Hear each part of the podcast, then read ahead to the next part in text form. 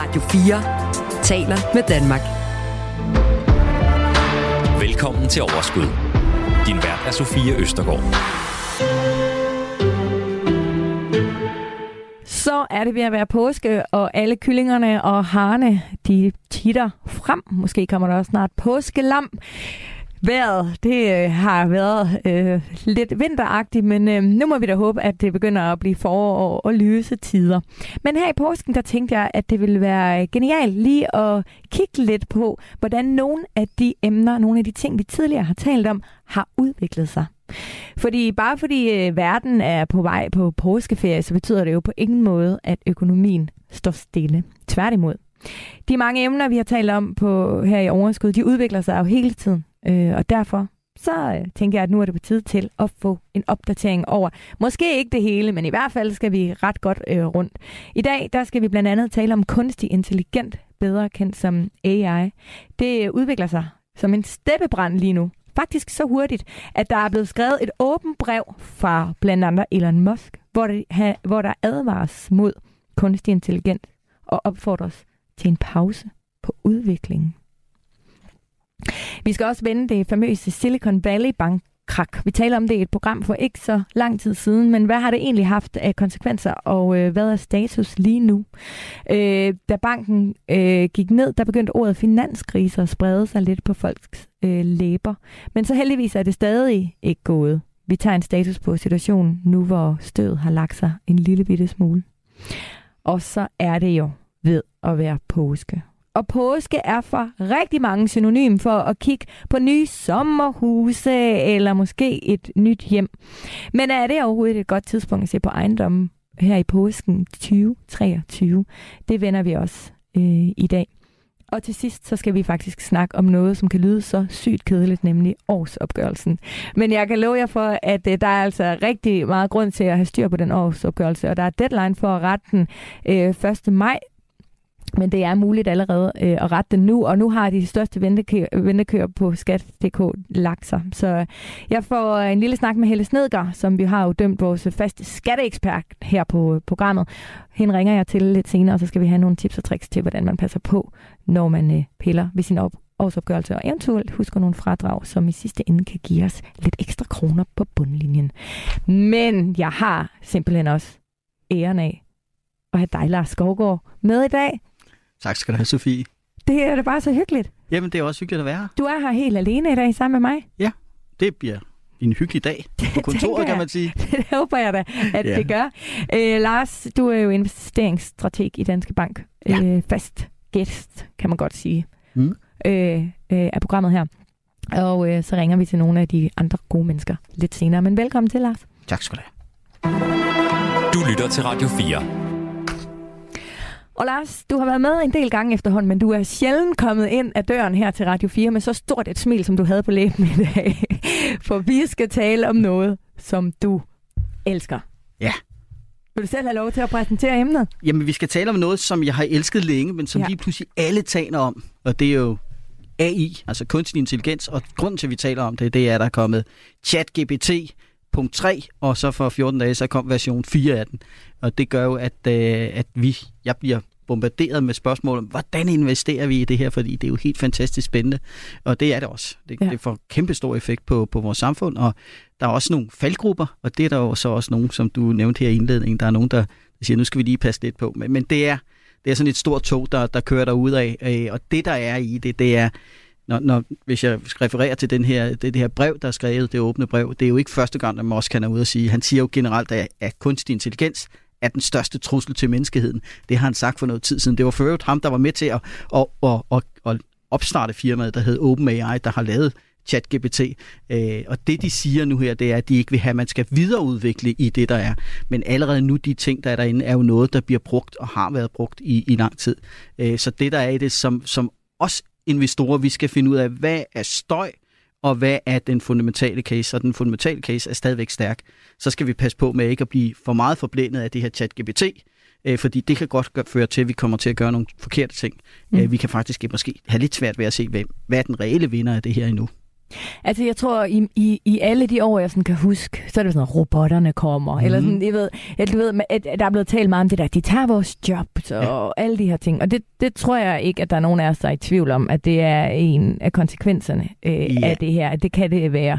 Ja, altså, du kan, jeg ved ikke, øh, det ved jeg ikke, om du ved, men da der kom øh, i England tilbage i tiden, der sad man og vævede, og så kom der de her store tekstilfabrikker med maskiner, der vævede. Det var også en form for mm. maskiner, der overtager vores job, og de, man gik ind og smadrede maskinerne, fordi de tager vores job. Og det er det rigtigt, der er nogen, der vil blive ramt direkte, men faktisk kan vi ikke se, at kunstig intelligens øh, for, der til at være færre job. Mm. Der får til at, det, det, der sker, det er, at vi får andre job. Ja. Men det er selvfølgelig, det er jo nemt nok at sige, hvis, hvis det var mig, der stod ved en robot, der lavede det, jeg plejede at lave, så skal jeg jo ja, vende mig til at lave noget job. andet. Ja. Så er det da lige meget, at, at der er en anden, et andet sted i verden, der har fået, fået et job, ja. øh, og jeg har mistet det. Så, så det, det er sådan nogle omskiftninger, der Hvis man kigger på, hvor længe vi har haft kunstig intelligens, det er første gang, man taler om kunstig intelligens, det var faktisk i forbindelse med 2. verdenskrig, da man skulle øh, bryde den her enigma-kode. Det var første gang, man brugte en form for sådan machine learning til at bryde en kode. Og den første sådan rigtige model, det var lavet i 51, hvor man lavede sådan et, et skak, hvor den kunne reagere på sådan et mm. skakspil.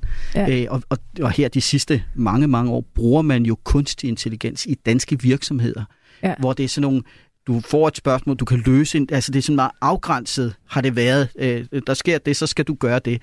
Så det der med, at de kan tænke selv, og robotterne kommer og overtage hele verden, det er jo det, der ligger længere ude. Ja. Og det er det klart, det, det er jo det, man skal passe på med. Hvordan kan man afgrænse det, og hvordan kan man forhindre, at det her det er noget, der bliver misbrugt. Fordi jamen, det kan fordi, det blive. Jamen, og det er, det, det er faktisk det, jeg egentlig gerne lige vil lidt ind på, fordi ja. Jeg tror bare, jeg, jeg tror, det er, det er let for os alle sammen at forestille os, at de kan overtage noget af det, som mm. vi normalt har siddet med. Ja. At det så skal være en del af udviklingen, og en naturlig del af udviklingen, som ikke nødvendigvis tager øh, alle jobs fra os, men som, som egentlig kan være meget naturligt.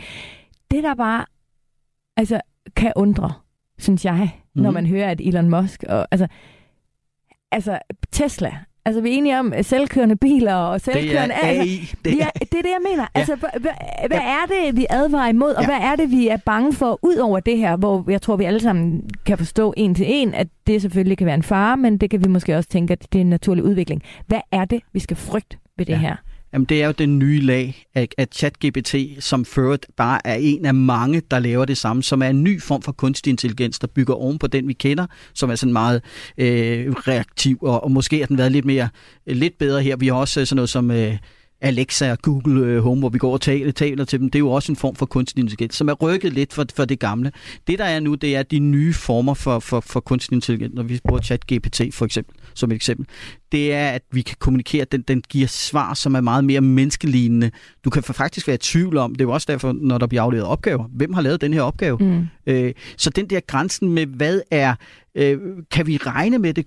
Ender vi med at tro så meget på det, at vi faktisk trækker fejlslag, ja. øh, forkerte beslutninger, fordi det er så menneskeligt, ja. øh, det der er. Jeg tror, det er noget, det er det, man er bange for. Det kan blive brugt til, til fake news, til phishing, til alle de der dumme ting.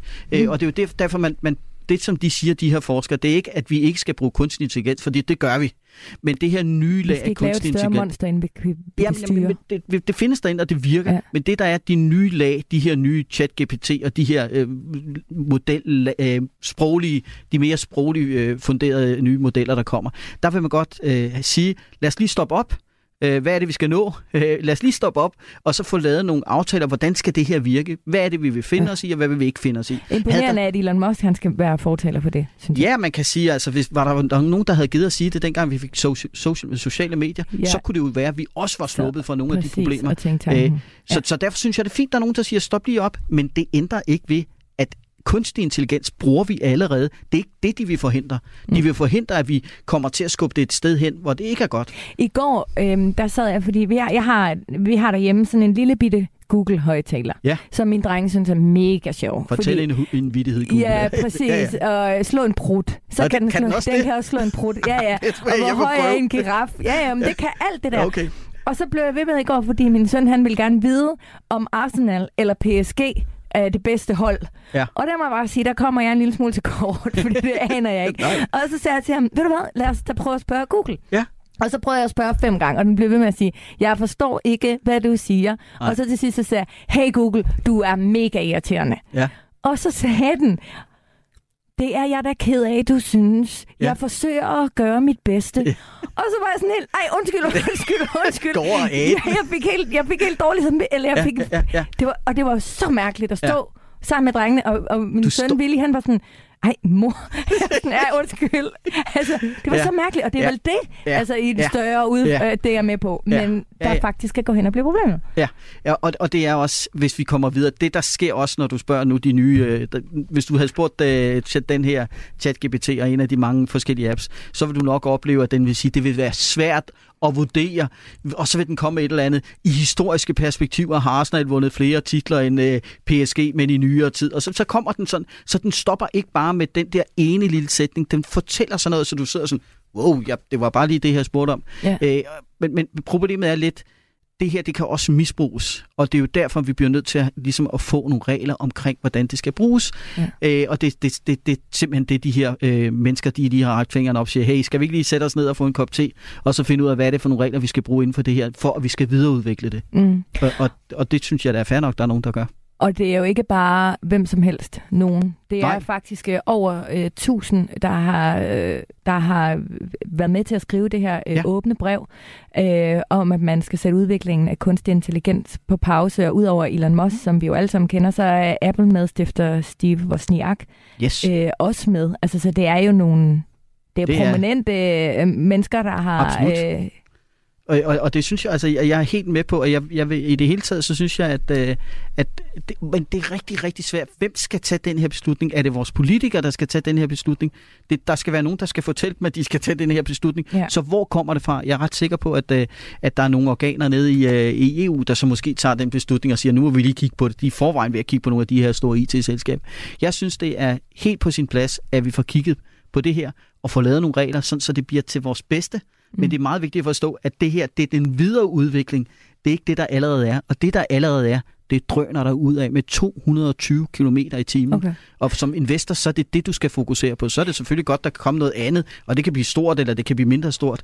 Øh, så derfor er det rigtig godt, at vi får snakket om det. Mm, vi... ja, ja, og det er derfor, det er så blevet underligt, at du er her, Lars. Ja, ja. Men, men det kloge spørgsmål nu vil jo så også være, hvis du sidder og siger, at det er godt, vi finder ud af at blive enige, øh, og, og, og alle de her, øh, som jo på, måske på mange måder skulle være med til også at udvikle, Mm. har, er blevet enige om at sætte det en lille smule på pause, er det så stadigvæk en god investering? Ja, fordi det, det er, vi bruger stadigvæk kunstig intelligens. Det er ikke den kunstig intelligens, som vi bruger nu. Altså, der er store danske selskaber, der bruger det. Øh, medicinalindustrien bruger kunstig intelligens. Vi bruger kunstig intelligens på sygehuse til at stille bedre diagnoser. Så det er det næste, det er den nye lag, øh, 2 hvad kan vi sige, et eller andet af kunstig intelligens. Det er det næste lag, der hvor det bliver lige pludselig lidt mere menneskeligt, der hvor det rykker fra. Kunst, vil jeg sige det på en anden måde? Jeg vil prøve at sige det sådan. Kunstig intelligens har tidligere været sådan lidt, du skulle være sådan atomforsker for at bruge det. Det, det, det er lidt groft sagt, men du Ja, ja, ja. skulle have en vis indsigt. Ja. Ja. Og så kunne blive det sådan lidt mere mainstream, så kunne du gå af IT-afdelingen lavede det. Men, men det, der sker, det der sker med det her GPT, det er sådan lidt et... Øh, øh, stifteren af Nvidia, han var ude at sige, at det her, det svarer til sådan et, et smartphone moment, eller et iPhone moment. Mm. Og det, der sker, det er, at øh, smartphones havde man tidligere. Det var sådan noget som øh, BlackBerry, det var sådan noget som øh, øh, finansfolk brugte. Så kom iPhone, det blev videre udbredt, men det, der virkelig rykkede på, at vi fik smartphones, det var da Android kom, fordi dem er der mange flere i verden, der bruger Android end. Så da de her iPhone og Android kom, så fik man adgang til det, som var forbeholdt en lille gruppe, der brugte de her nye telefoner, som var de her Black- BlackBerry-folk. Det er det samme, der sker nu. Tidligere så har I, AI været forbeholdt de få. Nu er det dig og mig, der kan bruge det, og hvordan vi kommer til at bruge det, og hvordan vi modtager de, øh, hvordan vi kan øh, for, formå at sætte forbehold om, om det er godt eller skidt på de her ting, det er ret vigtigt. Mm. Øh, og det er det, de er bekymret for. Øh, hvordan bliver det udviklet herfra? Fordi nu er det masserne, der får adgang til det. Nu er det ikke atomfysikeren, som jeg siger, der sidder inde, øh, Nej. bare for at karikere det lidt. Klart. Så det er stadigvæk, Men det er stadigvæk sige, øh, et en, sted, en hot, hot skal potato. hen. Øh, Det er, det, det, det er en, ja. en, en, et, et tema, som vi har kigget på. Kunstig intelligens, robotter og automation øh, er, er noget, vi har har fokus på en 3-4 år hos os. Mm. Øh, og det har vi stadigvæk. Øh, og så kommer det her oven på, og så lægger det, giver det noget ekstra fokus. Men, men det er stadigvæk noget, der dur, og vi investerer ikke i noget, der måske bliver. Vi investerer noget, der dur nu. Det er det, du skal gøre.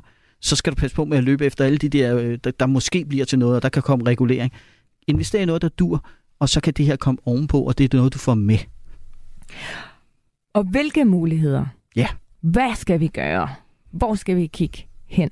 Jamen, du skal kigge i, øh, du skal kigge på øh, for eksempel en ETF, der hedder Automation Robotics, vil jeg investere i. Den er derude, den har været der i nogle år. Vi har haft den øh, over for vores kunder i meget, meget lang tid. Prøv lige at sige det igen. Automation and Robotics. Og hvad er det?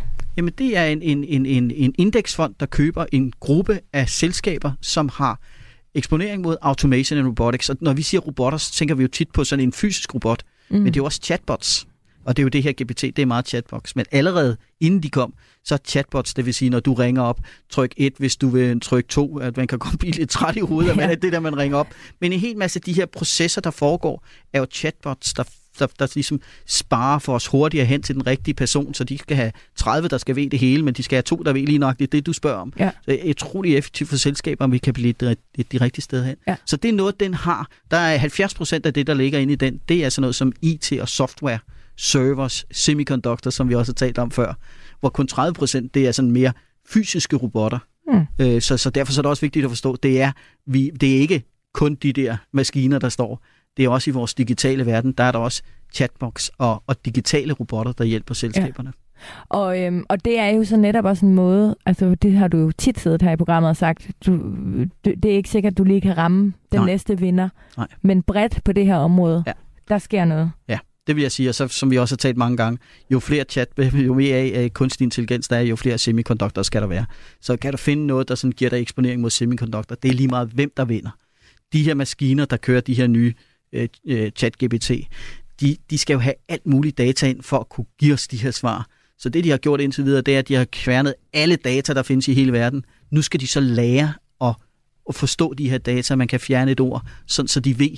For eksempel et eksempel, det er, at juleaften kommer X ned igennem skorstenen, og så siger den, okay, hvad kan det være? Så går den ind og tjekker, det er julemanden.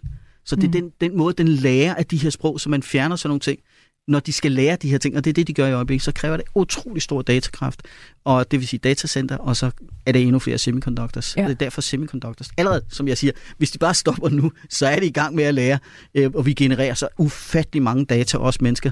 Ja. Øh, altså det, det er mindblowing, hvad vi gør. Og det er det, de gør. Det er, at de går ind og æder data, sådan, så de kan komme med nogle outputs. Og skal vi lige bare lige for god ordens skyld, øh, altså man kan jo gå tilbage og lytte programmet om semiconductors, mm-hmm. vi sendte for en måned, ja, nogle uger siden. Ja, jeg, jeg har nok nævnt det et par gange, hvis jeg kunne slippe af med det alligevel. ja, præcis. ja. Men kan du bare lige ganske kort lige forklare, hvad det handler om, ja. hvis der er nogen, der ikke har lyttet? Ja det, det bliver også på dansk, så bliver det, en halv, bliver det kaldt en halvleder.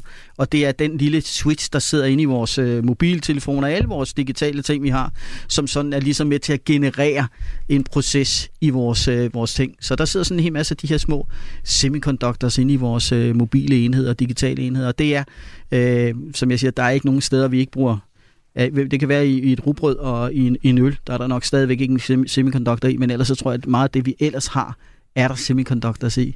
Mm. Og derfor så er det bare en, øh, en, en hverdagsting, øh, som man skal at have, og dem er der endnu mere, bliver der endnu mere brug for i takt med, at vi bliver mere digitale.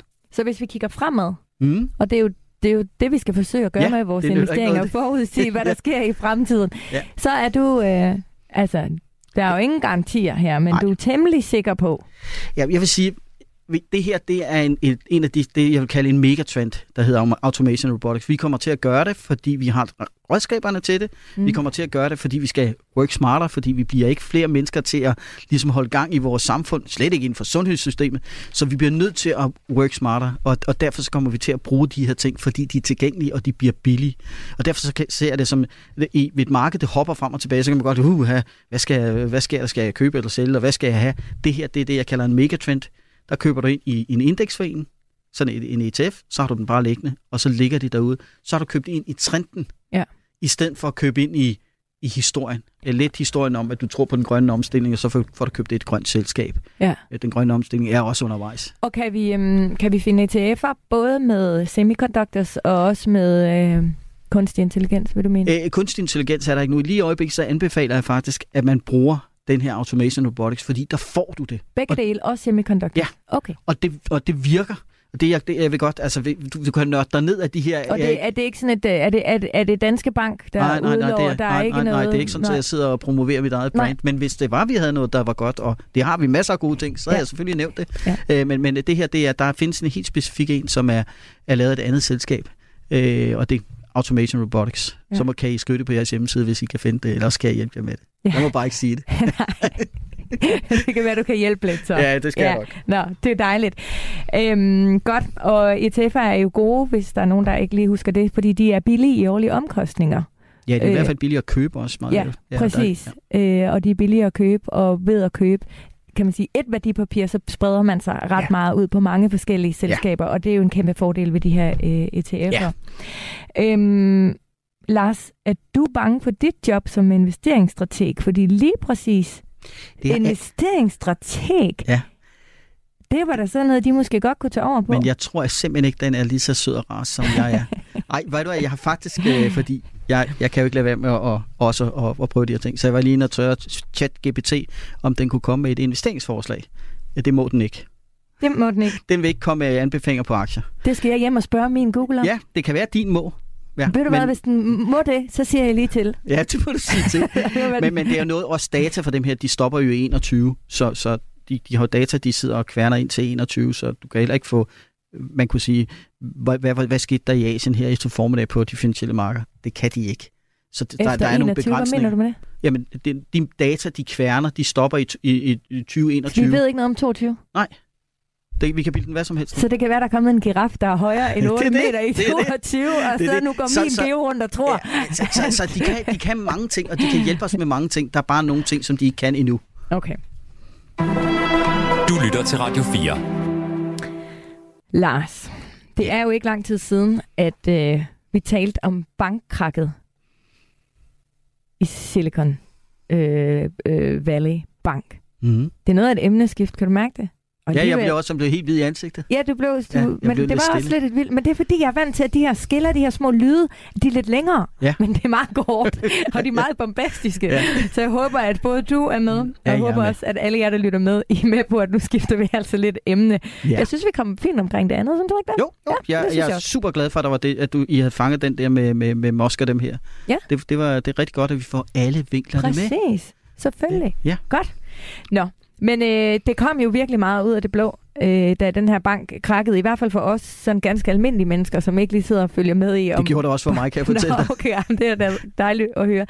Og øhm, med Tine Choi øh, Danielsen mm. fra PFA, Ja. Der talte vi øh, faktisk, du og jeg, for nogle uger siden om, og hvor vi ligesom gennemgik det her. Ja. Så hvis man ikke har lyttet til det program, jeg virkelig anbefaler, at I går tilbage lige og lytter til det. Ja.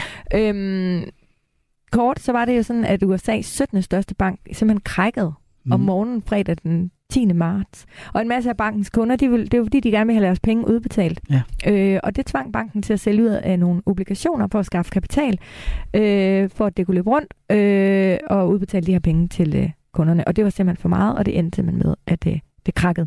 Mm. Og det sendte nogle rystelser det igennem altså hele bankverdenen, hele den finansielle verden. Mm. Øhm, og det fik øh, bankaktier på mange kontinenter til simpelthen at styrtdykke også. Mm. Siden så har vi hørt om den her Credit Suisse. Ja. Er det sådan, man siger det? Det er fuldstændig rigtigt. Jeg kan tale spand, men jeg kan virkelig ikke fransk. Jeg synes, det øh, lød godt. Nå, det var godt. det blev kastet ud i et gevaldigt uvær, og altså, vi har bare hørt øh, rigtig meget op og ned. Øhm, mm. Vi talte om det, det er den 23. marts, kan jeg fortælle. Øhm, og hvor vi også talte kort om, og det her med, om I troede, vi kom ind i en ny finanskrise. Ja. Øhm, og nu, der vil jeg gerne have din hjælp til at lige at, altså hvor er vi lige nu? Altså det er jo ikke fordi, det nødvendigvis er landet. Nej. Øhm, og jeg vil sige, hvordan det her det kunne ske, det talte vi rigtig meget om mm. der den 23. marts, og det var vildt spændende. Ja. Så tilbage og lyt det, hvis, hvis, hvis du ikke har hørt om det. Men, men Lars, hvor er vi nu? Hvad er status? Jamen siden da havde vi jo også, øh, forrige fredag, havde vi jo en anden bank, Deutsche Bank, fik vi lige pludselig at vide, den, den kunne også være i problemer. Den faldt, så var der en stor krise igen i fredags øh, for i fredag. Så, så det var Silicon Valley Bank, der krakkede. Så gik øh, Credit Suisse ned den næste weekend. Og det er jo sådan noget i weekenden, der, der er det rigtig svært ligesom at få fikset tingene. Så der prøvede man lige at presse øh, Deutsche Bank også. Og det, der så skete, det var, at... Øh, Hvad betyder, at man prøvede at presse Deutsche Bank? Ja, altså, men det, der sker, når man er i den her tillidskrise, som det er, at man bliver bange, man skyder først bag, spørger bagefter. Der er rigtig mange af de lidt tungere investorer, der, der ikke, det skal vi overhovedet ikke røre ved. Og det vil sige, så bliver det overladt til, til, til nogen, der meget nemmere kan drive rundt med markedet, som kan pos- tage positioner på og sende det lavere og så tjene penge på, hvis altså det kommer. det her med at købe, at købe bankens aktier. Ja, ja. Og, og så kan du risikere at, at, at presse det nedad. Og det er helt naturligt, at man, man sådan går efter den næste svage øh, dyr i flokken, og der var en masse støj ude på. Er det naturligt, at Ja, jamen, jeg- investorer på den måde, de gør det? Ja, ja, det, det er naturligt, at mange investorer sådan, som mig, vi de siger, og mine kollegaer, vi siger, at vi skal lige finde ud af, hvad pokker der foregår. Ja. Vi, vi går ikke ud og bare kaster penge ind i bankaktier, fordi de falder meget. Vi skal, Mm. mm. vi skal have nogle facts. Der er helt klart noget usikkerhed i gang. Så det, der sker, det er, at andre investorer siger, okay, hvad kan, hvem er ellers svage? Og der kigger man, ligesom man, man, man godt vidste, at Credit Suisse havde været i problemer i mange, mange år og som åbenbart blev et stort problem til sidst for dem, der normalt skød penge i dem. Det vil sige, nu, kan vi, nu vil vi simpelthen ikke være med mere. Der er alt for meget usikkerhed i, i den finansielle sektor. I får ikke flere penge, og så gik de ned. Ja. Ja. Så det næste, det er, at man går ind og kigger på sådan nogle som, som andre, der har måske været ramt af nogle uheldige omstændigheder tidligere, eller har, har en, en forretning, som, hvor du kan blive påvirket af, din, at indlån ikke øh, hænger sammen med udlånene på samme måde. Det var lidt det, der var galt med, med, med Silicon Valley Bank. Og der gik man ind og se, sådan som, øh, som Deutsche Bank og, og, Commerzbank, de to tyske banker, som ellers tænker Deutsche Kvalitet, de har været ramt af, af nogle problemer faktisk øh, i ja, meget lang tid. Men, men man glemmer bare lidt, at sådan noget som Deutsche Bank de sidste, ja, siden 2019, siden de var ude at lave sådan en restrukturering, faktisk har lavet helt om på deres forretning. Ja. Og det, der rigtig gav støj, det var, at om, om i den fredag her, hvor, hvor de kom i problemer, der var de ude at indfri et lån, altså sådan et, et, et, et, et tier 2-lån, som de har. Lidt eller det var, det var et andet lån til Credit Suisse havde, men man hørte det der lån, og folk de forstod det ikke rigtigt. De indfrier noget, som, som er sådan et, et banklån. Hvorfor indfrier det? Det må være noget forkert, og så sendte man aktier ned. Og tværtimod, hvis man indfrier noget, så er det jo fordi, man er kapitalstærk, og det er faktisk noget, der er blevet brugt før, og gå ud og sige, prøv at høre her, den her obligation, den udløber en måned. Jeg har fået lov til en måned før, kan jeg gå ud og indfri den, hvis jeg vil.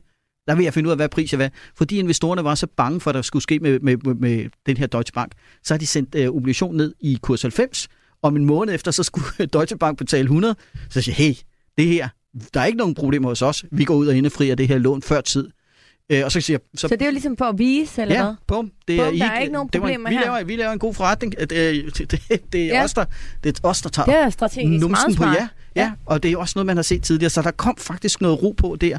Øh, men, men jeg vil bare sige, at, at den, om det er en krise, vi er på vej ind i, vi er ind på vej ind i en fase, hvor det, at renter bliver hævet, skal gøre ondt. Og nu var det bankerne, du så det i. Det er Men bare der- underligt, fordi jeg tænker jo, altså det har vi jo altid talt om, at når renten stiger, så har bankerne det jo... Så Jamen, det har de det penge. godt. Ja, men det, er også, det gør de også, og, og bankerne tjener også penge. Der er bare de svageste i flokken, de bliver udstillet, hvis okay. ikke de er helt super optimale.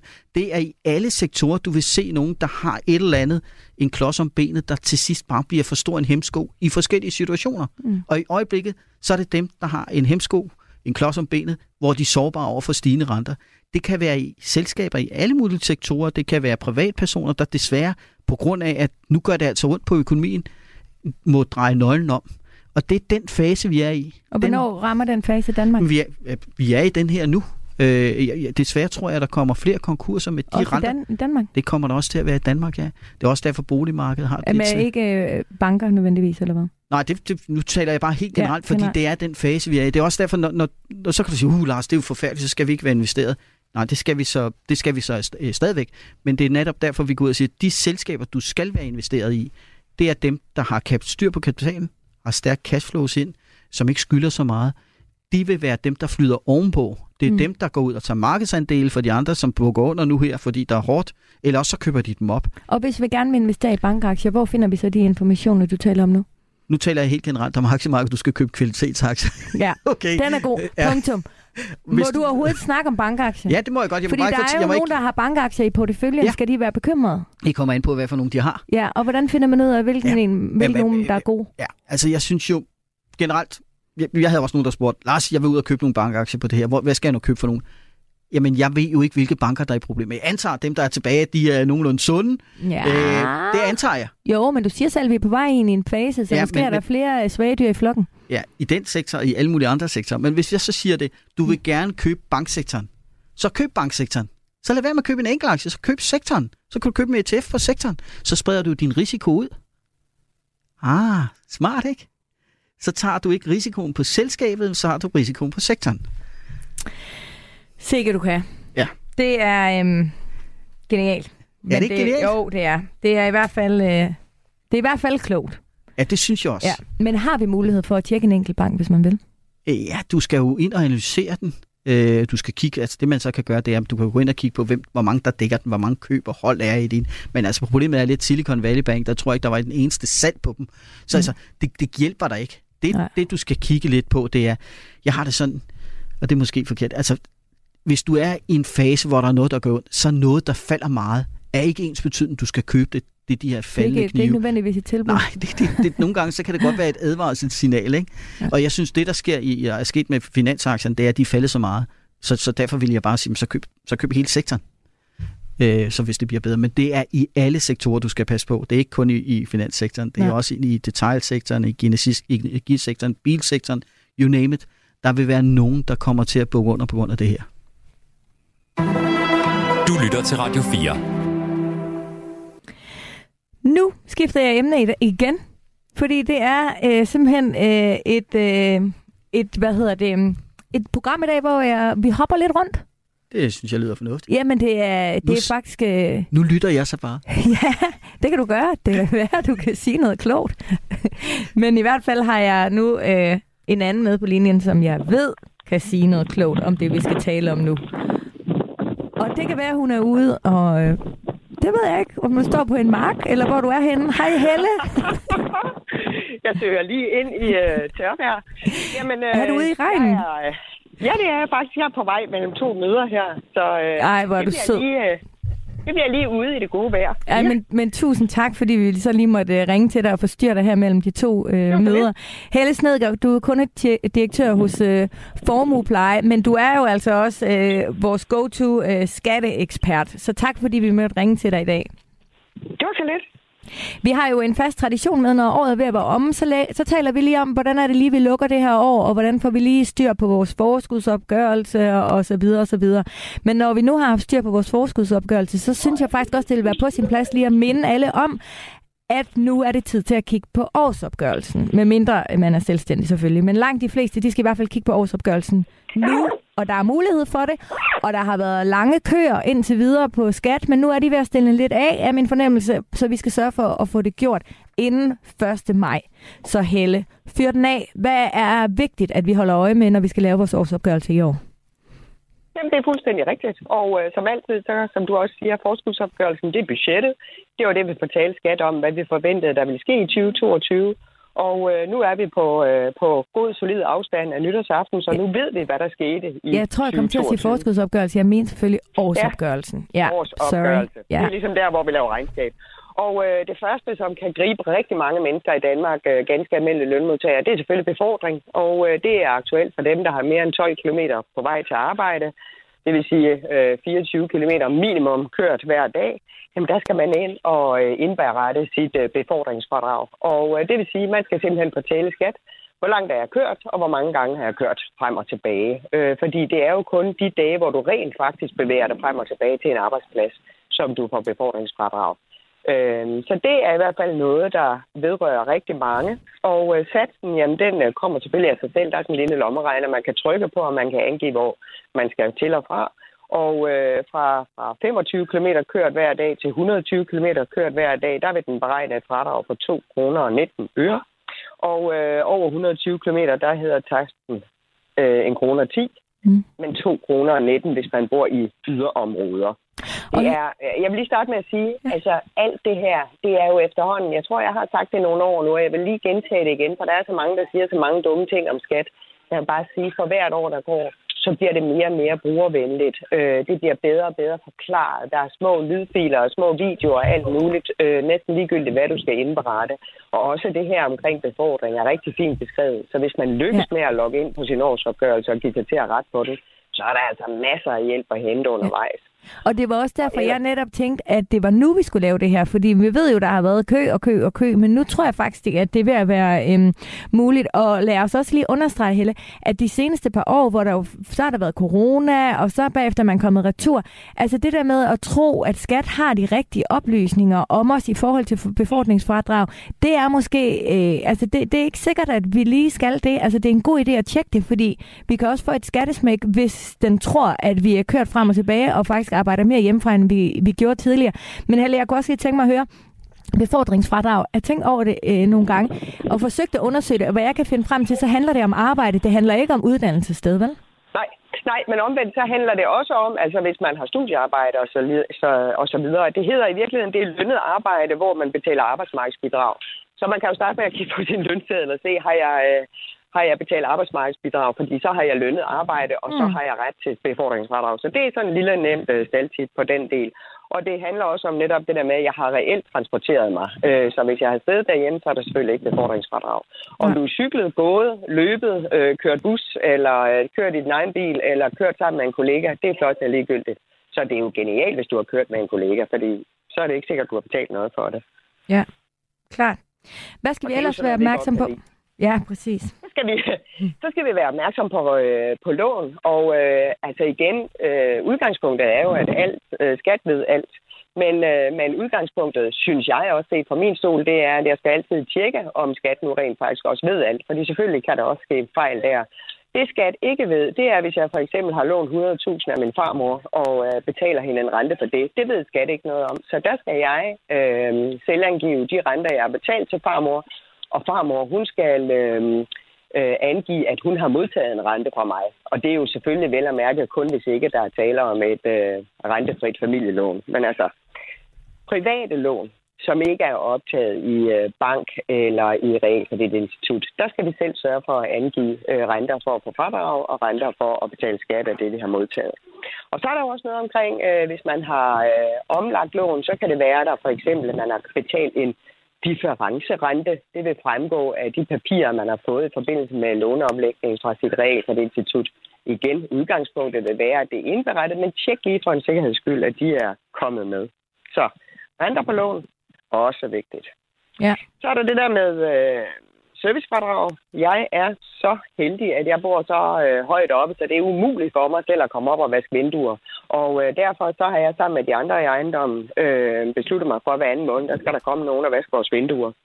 Og øh, servicefradrag, det er blandt andet sådan noget. Det er kun arbejdsløn. Det er ikke andet, hvis man har hvis man har andre udgifter. Det er alene arbejdsløn, og det er kun, hvis det er den helt rigtige sæson, hvor man selvfølgelig øh, betaler en regning, og øh, det er til nogen, der har et CVR-nummer, fordi det skal indtastes.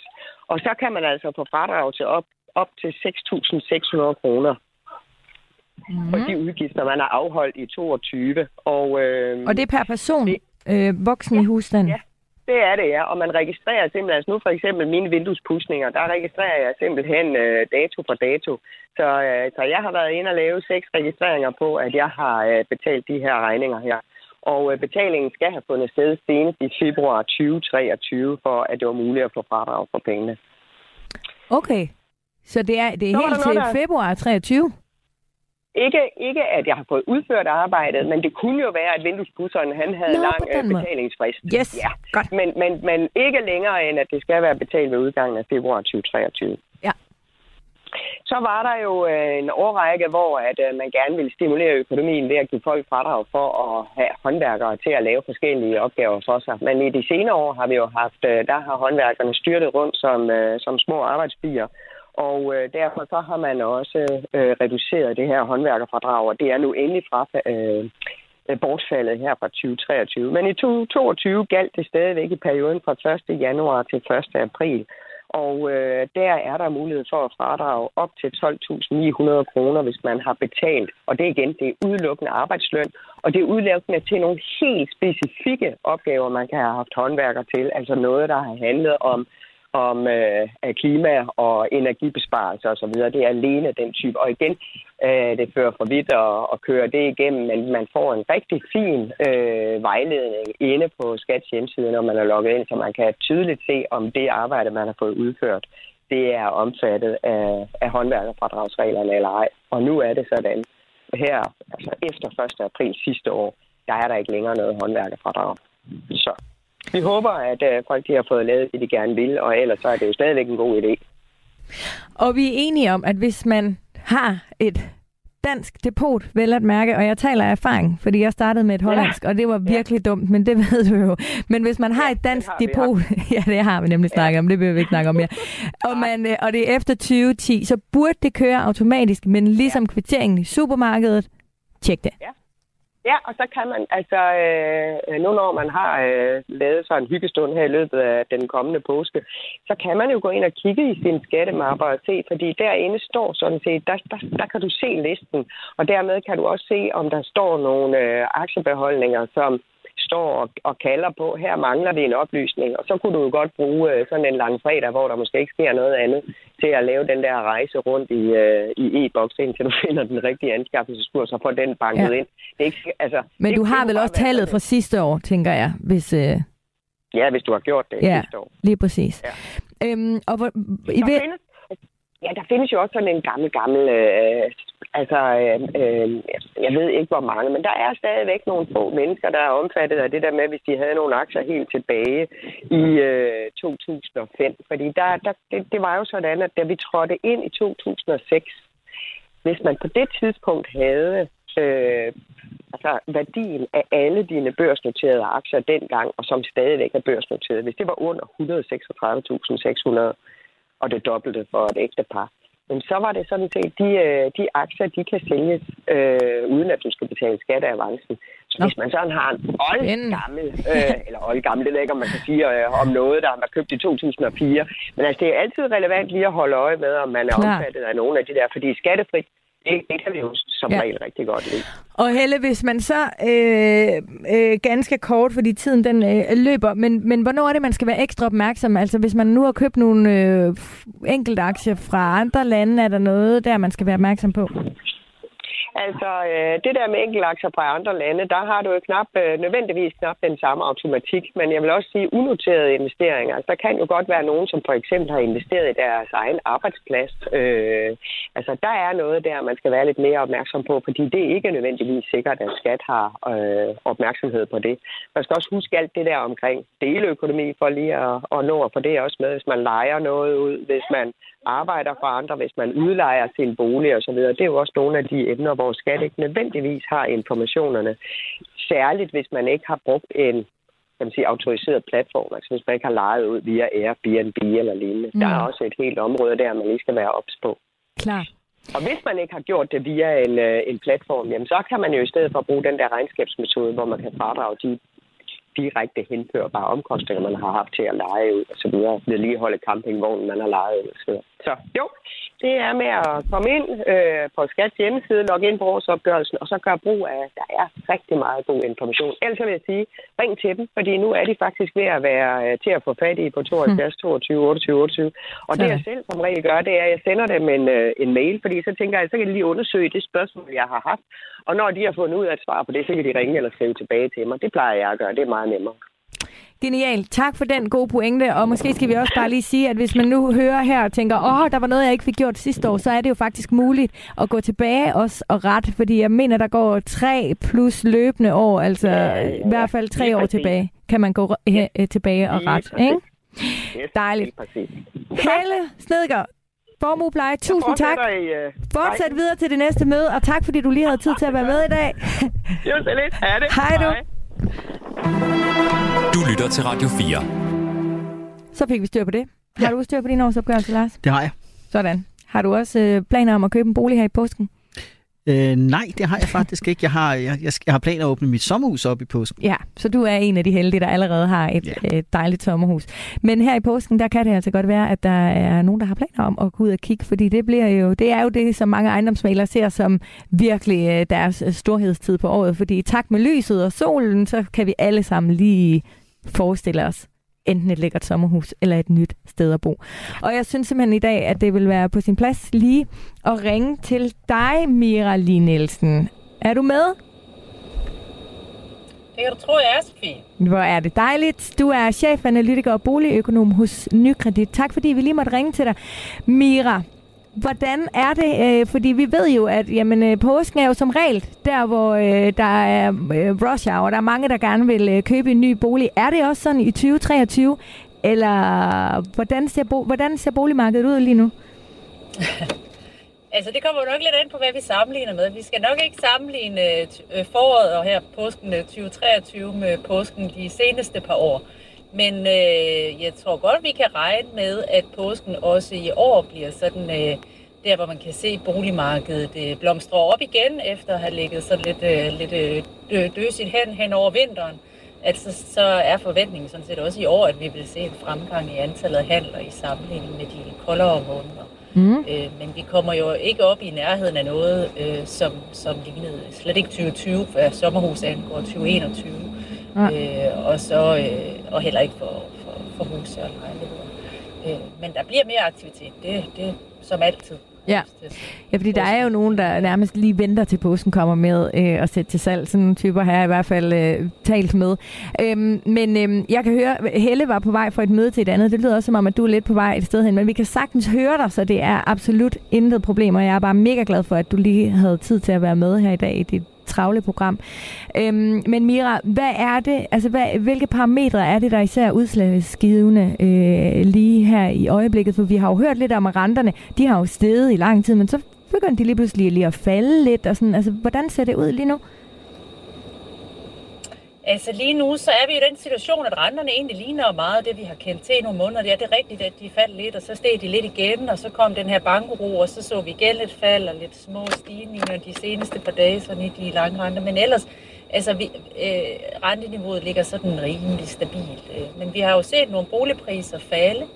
Øh, hvis vi holder lidt fast i det her sommerhusmarked, så har så er handlerne faldet meget på det marked også, øh, og vi er så først her for nylig begyndt at se priserne også falde. Øh, så det, og, og udbuddet er stadig lavt.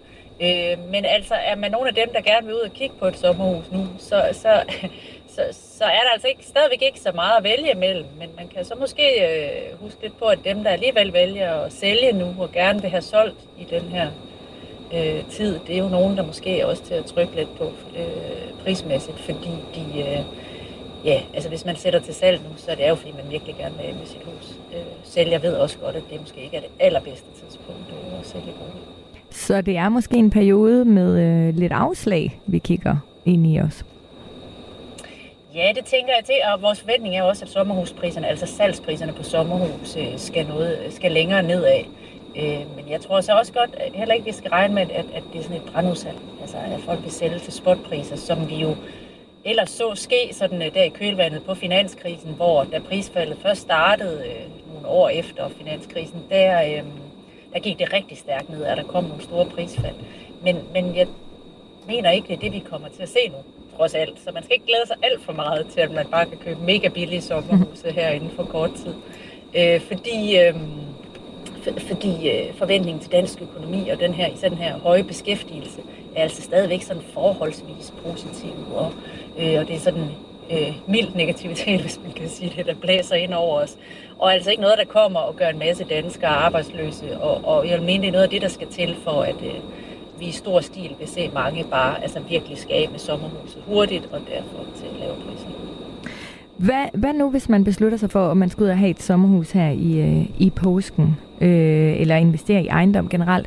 Øh, hvad, hvad, hvad skal man så, altså, hvad skal, hvad skal man være ops på lige nu? Jamen, jamen, jeg ved ikke, om du skal være ops på så meget andet, som du altid skal, når du skal ud og købe den der bolig. Altså, du skal tænke dig godt om. Altså, du, du skal se det der sommerhus øh, for for dig som et sted, hvor du og din familie kan have nogle virkelig gode stunder i mange år frem. Det er ikke noget, der kommer til at give dig et økonomisk af, øh, afkast øh, af nogen særlig størrelse inden for en, øh, for en, øh, for en, år, en kortere årrække i hvert fald, så lang tid, som jeg tør spå frem. Øh, så du skal købe det der sommerhus, fordi du virkelig kan have et sted, hvor I kan tage og hygge mm. øh, Man kan så også godt se på, om det er et hus, der allerede fra start, man kan overveje, om det kan lejes ud.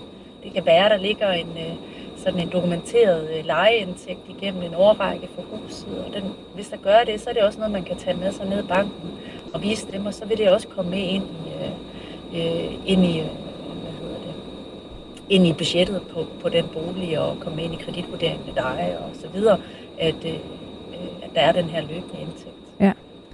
Så for nogen kan det sagtens være det rigtige tidspunkt at købe her i påsken.